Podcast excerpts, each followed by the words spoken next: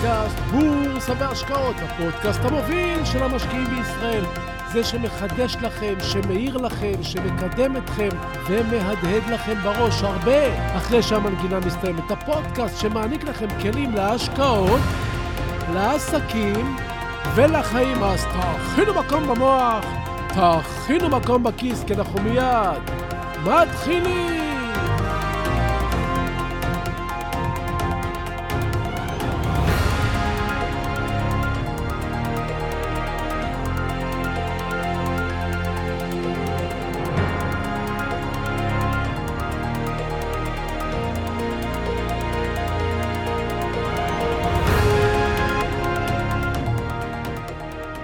וככה, בשבת בבוקר, כשאני יוצא לסדר את המחשבות מול ספינות המפרש והמטוסים הקלים על קו הים, גיליתי שכבר סיימו להקים את שובר הגלים הנוסף מול המרפסת שלי.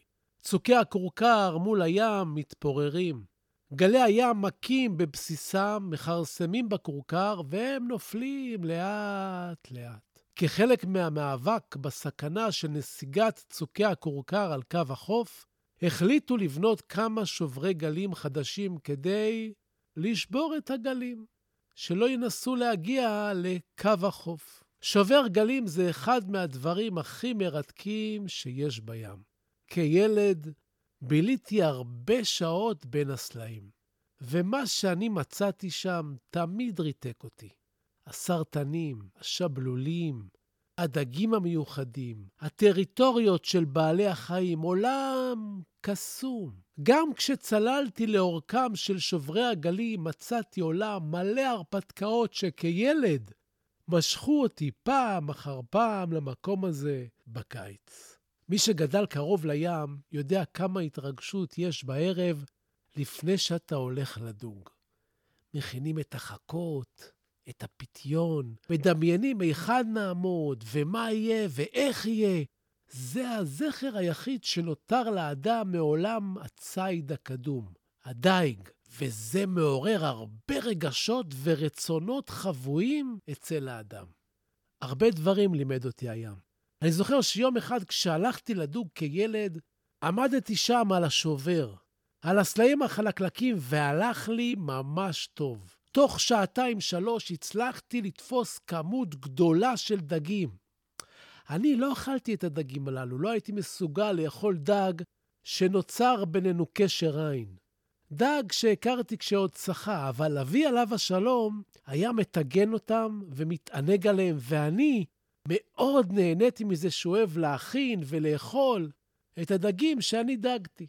אז ככה, כשאני כבר על השובר, מבסוט מהסל המתמלא, החלה נושבת רוח, והים התחיל לעלות.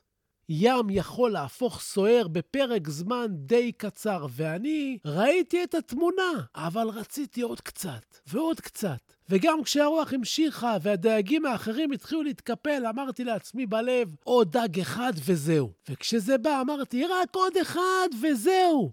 וככה זה נמשך, והים עלה עד שהגיע גל אחד גדול והעיף אותי עם הסל ועם הדגים על הסלע, ועוד לפני שהספקתי להבין מה קורה, הגיע עוד אחד ועוד אחד, וכל הדגים שלי עם הסל כבר נעלמו, ובקושי, בקושי מצאתי את עצמי על החוף.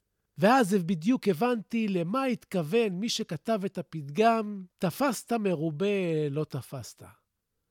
זה מוכר לכם גם משוק המניות. מה עוד למדתי משובר הגלים ומהים? תמיד כשהייתי מגיע לדוג, הייתי משתדל לבוא עם חכה הכי ארוכה שאני יכול להשיג, ולמצוא מקום שפונה למעמקים.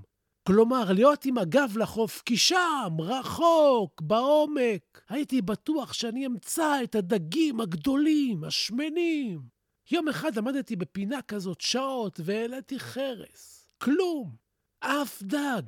מי שכבר כמעט התייאשתי, נעמד לידי דייג זקן, מהמוכרים שעל השובר, ושאל אותי, נו, ילד, איך הולך? שזה בשפת הדייגים, יש משהו? אכילות, כלומר, רואים שהדגים אוכלים מהפיתיון ומרעידים את המצוף? לא, אמרתי לו, יבש. למה אתה עומד כאן? הוא שאל אותי, ואני משכתי בכתפיי. בוא, בוא, אמר, אני אראה לך איפה לעמוד. מה היה לי להפסיד? הלכתי אחריו, והוא הביא אותי לצד ההפוך של השובר.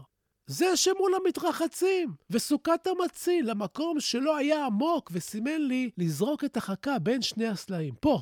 פה אמרתי לו, מה יש פה? זה לא עמוק. והפוך למקום שבו כולם עומדים.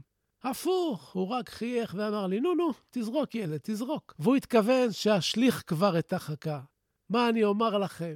התחלתי לתפוס במקום הזה את הדגים הכי גדולים שתפסתי מעודי. סרגוסים ענקיים, או פלטות, כמו שהדייגים עומדים. שנים ניסיתי לתפוס דגים מאחרי השובר, ואז הגיע דייג זקן ואמר לי, הפוך, גוטה, הפוך. ומצאתי את עצמי ביום דייג הכי מוצלח שהיה לי בחיים. ומכאן למדתי לחשוב גם הפוך. אבל בהמשך גיליתי שזה נכון לא רק לדייג. חכו, חכו תשמעו.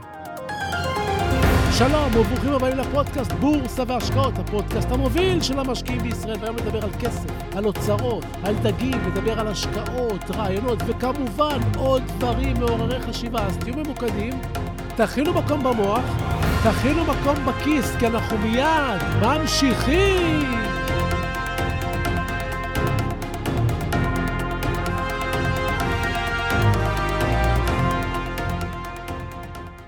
הפוך. כמה קשה לחשוב הפוך, אבל לפעמים זה כל מה שצריך כדי לגלות את המזרח. כריסטופר קולומבוס שט מערבה.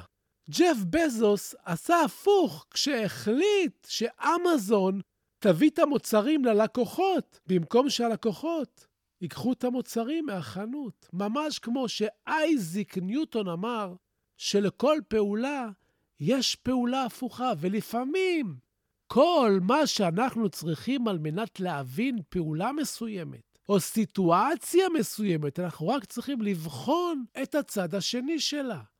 פעולה הפוכה. והיכן אנחנו יכולים ליישם את המידע הזה בשוק ההון, לדוגמה? כאן אני רוצה לתת לכם זווית הפוכה להתבוננות על חברה שזכתה במכרז, למשל. בדרך כלל, כשאנחנו למדים וקוראים על חברות שזוכות במכרזים, אנחנו אומרים, איזה יופי. החברה ניצחה במכרז, היא תרוויח. אני אשקיע במניה שלה וגם אני ארוויח. זו מחשבה פשוטה, ישרה ורווחת. ואף פעם לא בדקנו את ההפך שלה. ומה אם המחיר של המכרז לא משקף בכלל רווח?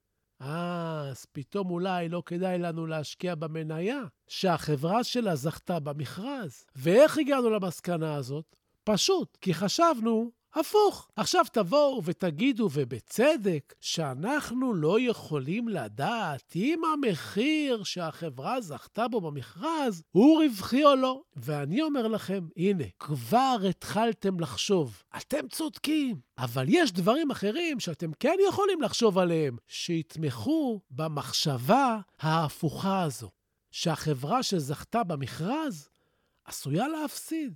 כמו מה, תשאלו? נו, תשאלו. כמו מה? כמו למשל, חברה שזכתה בחודש ינואר 2020 במכרז ממשלתי לבניית מבנה בשווי עשרות מיליוני דולרים. אבל כלל לא ידעה שתגיע הקורונה, שבעקבות הקורונה מחירי הסחורות יעלו, עלות השילוח הימי תעלה, ושפועלים יקבלו כסף כדי לשבת בבית. ולמי שיבוא לעבוד יהיה צריך לשלם הרבה הרבה יותר.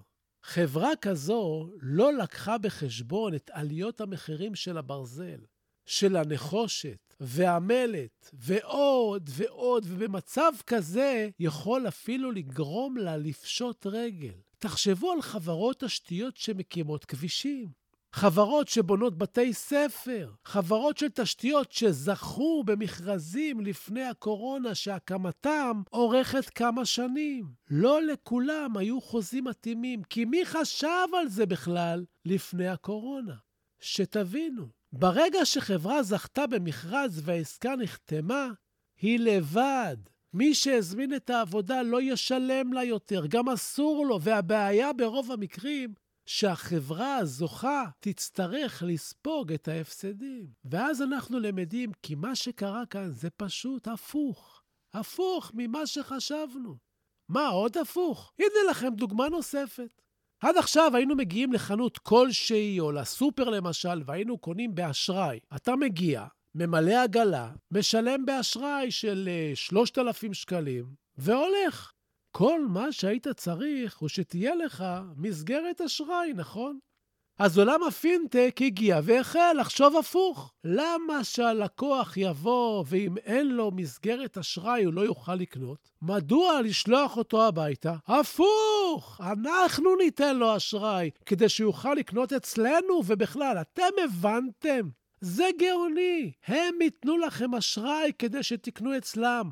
הם ירוויחו גם מהמכירות וגם מהעמלות וגם מההלוואות, וזה כל כך פשוט הדבר הבא הזה, ורק כי מישהו חשב הפוך. פתאום קיבלתי חשק ללכת לדוג לפני השובר.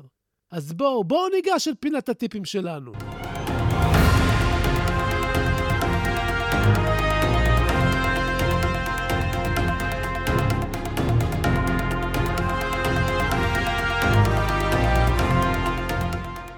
אז בטיפ שלי היום אני משתף אתכם במחשבה ששיתפתי את החברים שלי באינסטגרם. ואם אתם לא חברים שלי באינסטגרם, הגיע הזמן שתצטרפו. בורסה מקו סודות, אל תהססו, אל תחכו. שימו לב, הביטקוין נולד למעשה ככסף, אבל הוא משמש יותר כמו זהב.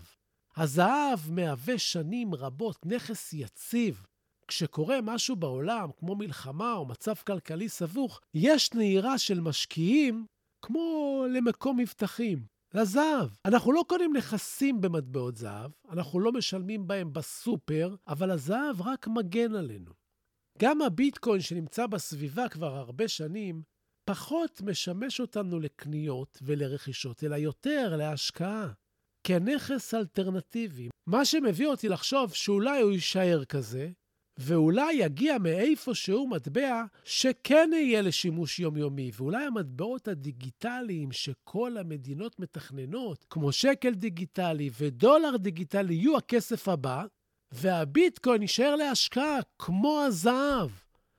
אחרי שהוא פתח את הדלת לעולם הטכנולוגיה של הבלוקצ'יין. הפוך. היום הכל הפוך. אז זהו לנו להיום. ובסיום אני שב ומציין, כי אין במה שאני אומר המלצה מקצועית או ייעוץ מקצועי. את אלה תמיד כדאי לקבל מיועץ מוסמך עם רישיון. לי אין. אני רק משתף אתכם במה שאני חושב. המניות שאני לפעמים מדבר עליהן כאן, אתם צריכים לדעת, אני קונה מהן לפעמים, מוכר, אני אף פעם לא מנסה לכוון אתכם לשום פעולה, אלא רק לגרום לכם לחשוב, לחשוב, לחשוב. וכן, הפודקאסט הזה מדבר בלשון זכר, אבל רק מטעמי נוחות. הוא פונה לנשים וגברים כאחד. ואני מזמין אתכם להצטרף אליי לקורס של הפסיכולוגיה של המשקיעים בבורסה באתר סודות. אנשים שנרשמו ועברו את הקורס מאוד מאוד מאוד נהנו, ואני מציע לכם גם לא רק ליהנות, אלא להרוויח יותר. ותודה. תודה להילה ברגמן שעורכת, מהירה ומפיקה וגורמת לפודקאסט הזה להיות. תודה על התגובות החמות. תודה על השיתופים. תמשיכו ותפיצו, וככה נגדל יחד. ועד הפגישה הבאה שלנו אתם מוזמנים לשמור איתי על קשר. לבקר באתר האינטרנט שלי, סודות.co.il, לשלוח לי מייל, זביקה, כרוכית, סודות.co.il. תעקבו אחריי באינסטגרם, המלצתי לכם סודות כף תחתון בורסה באנגלית. בקרו אותי בפייסבוק, צביקה ברגמן בעברית, פשוט, אני מבקש. סמנו שאהבתם ותשלחו את הפודקאסט לעוד כמה חברים. כן, אני רוצה עוד מאזינים. תעשו השתדלות, לא מגיע, תפיצו! תודה רבה שהאזנתם לי. הלוואי שתתעשרו בקרוב, ואנחנו ניפגש בקרוב!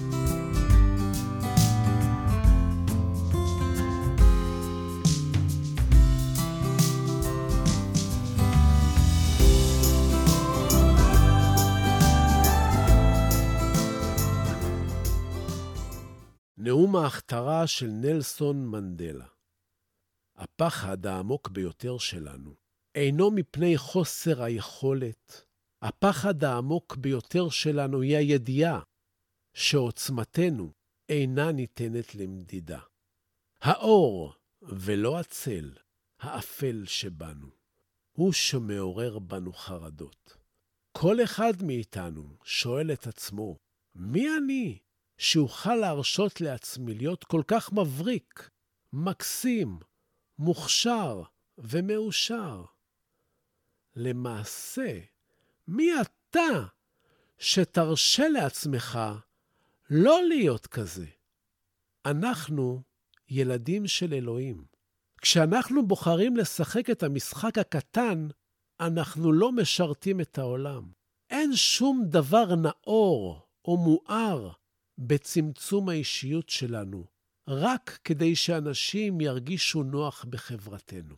נולדנו כדי לממש את הקסם האלוהי הגדול בנו, הוא לא גלום רק בחלק מאיתנו. כל אחד מאיתנו נושא את הקסם הזה בתוכו. כאשר אנו מרשים לאור הפנימי שלנו לזרוח באופן בלתי מודע, אנו מאפשרים לאחרים לעשות את אותו דבר כאשר אנו משתחררים מהפחדים שלנו. הנוכחות שלנו משחררת אחרים. נלסון מנדלה, 1994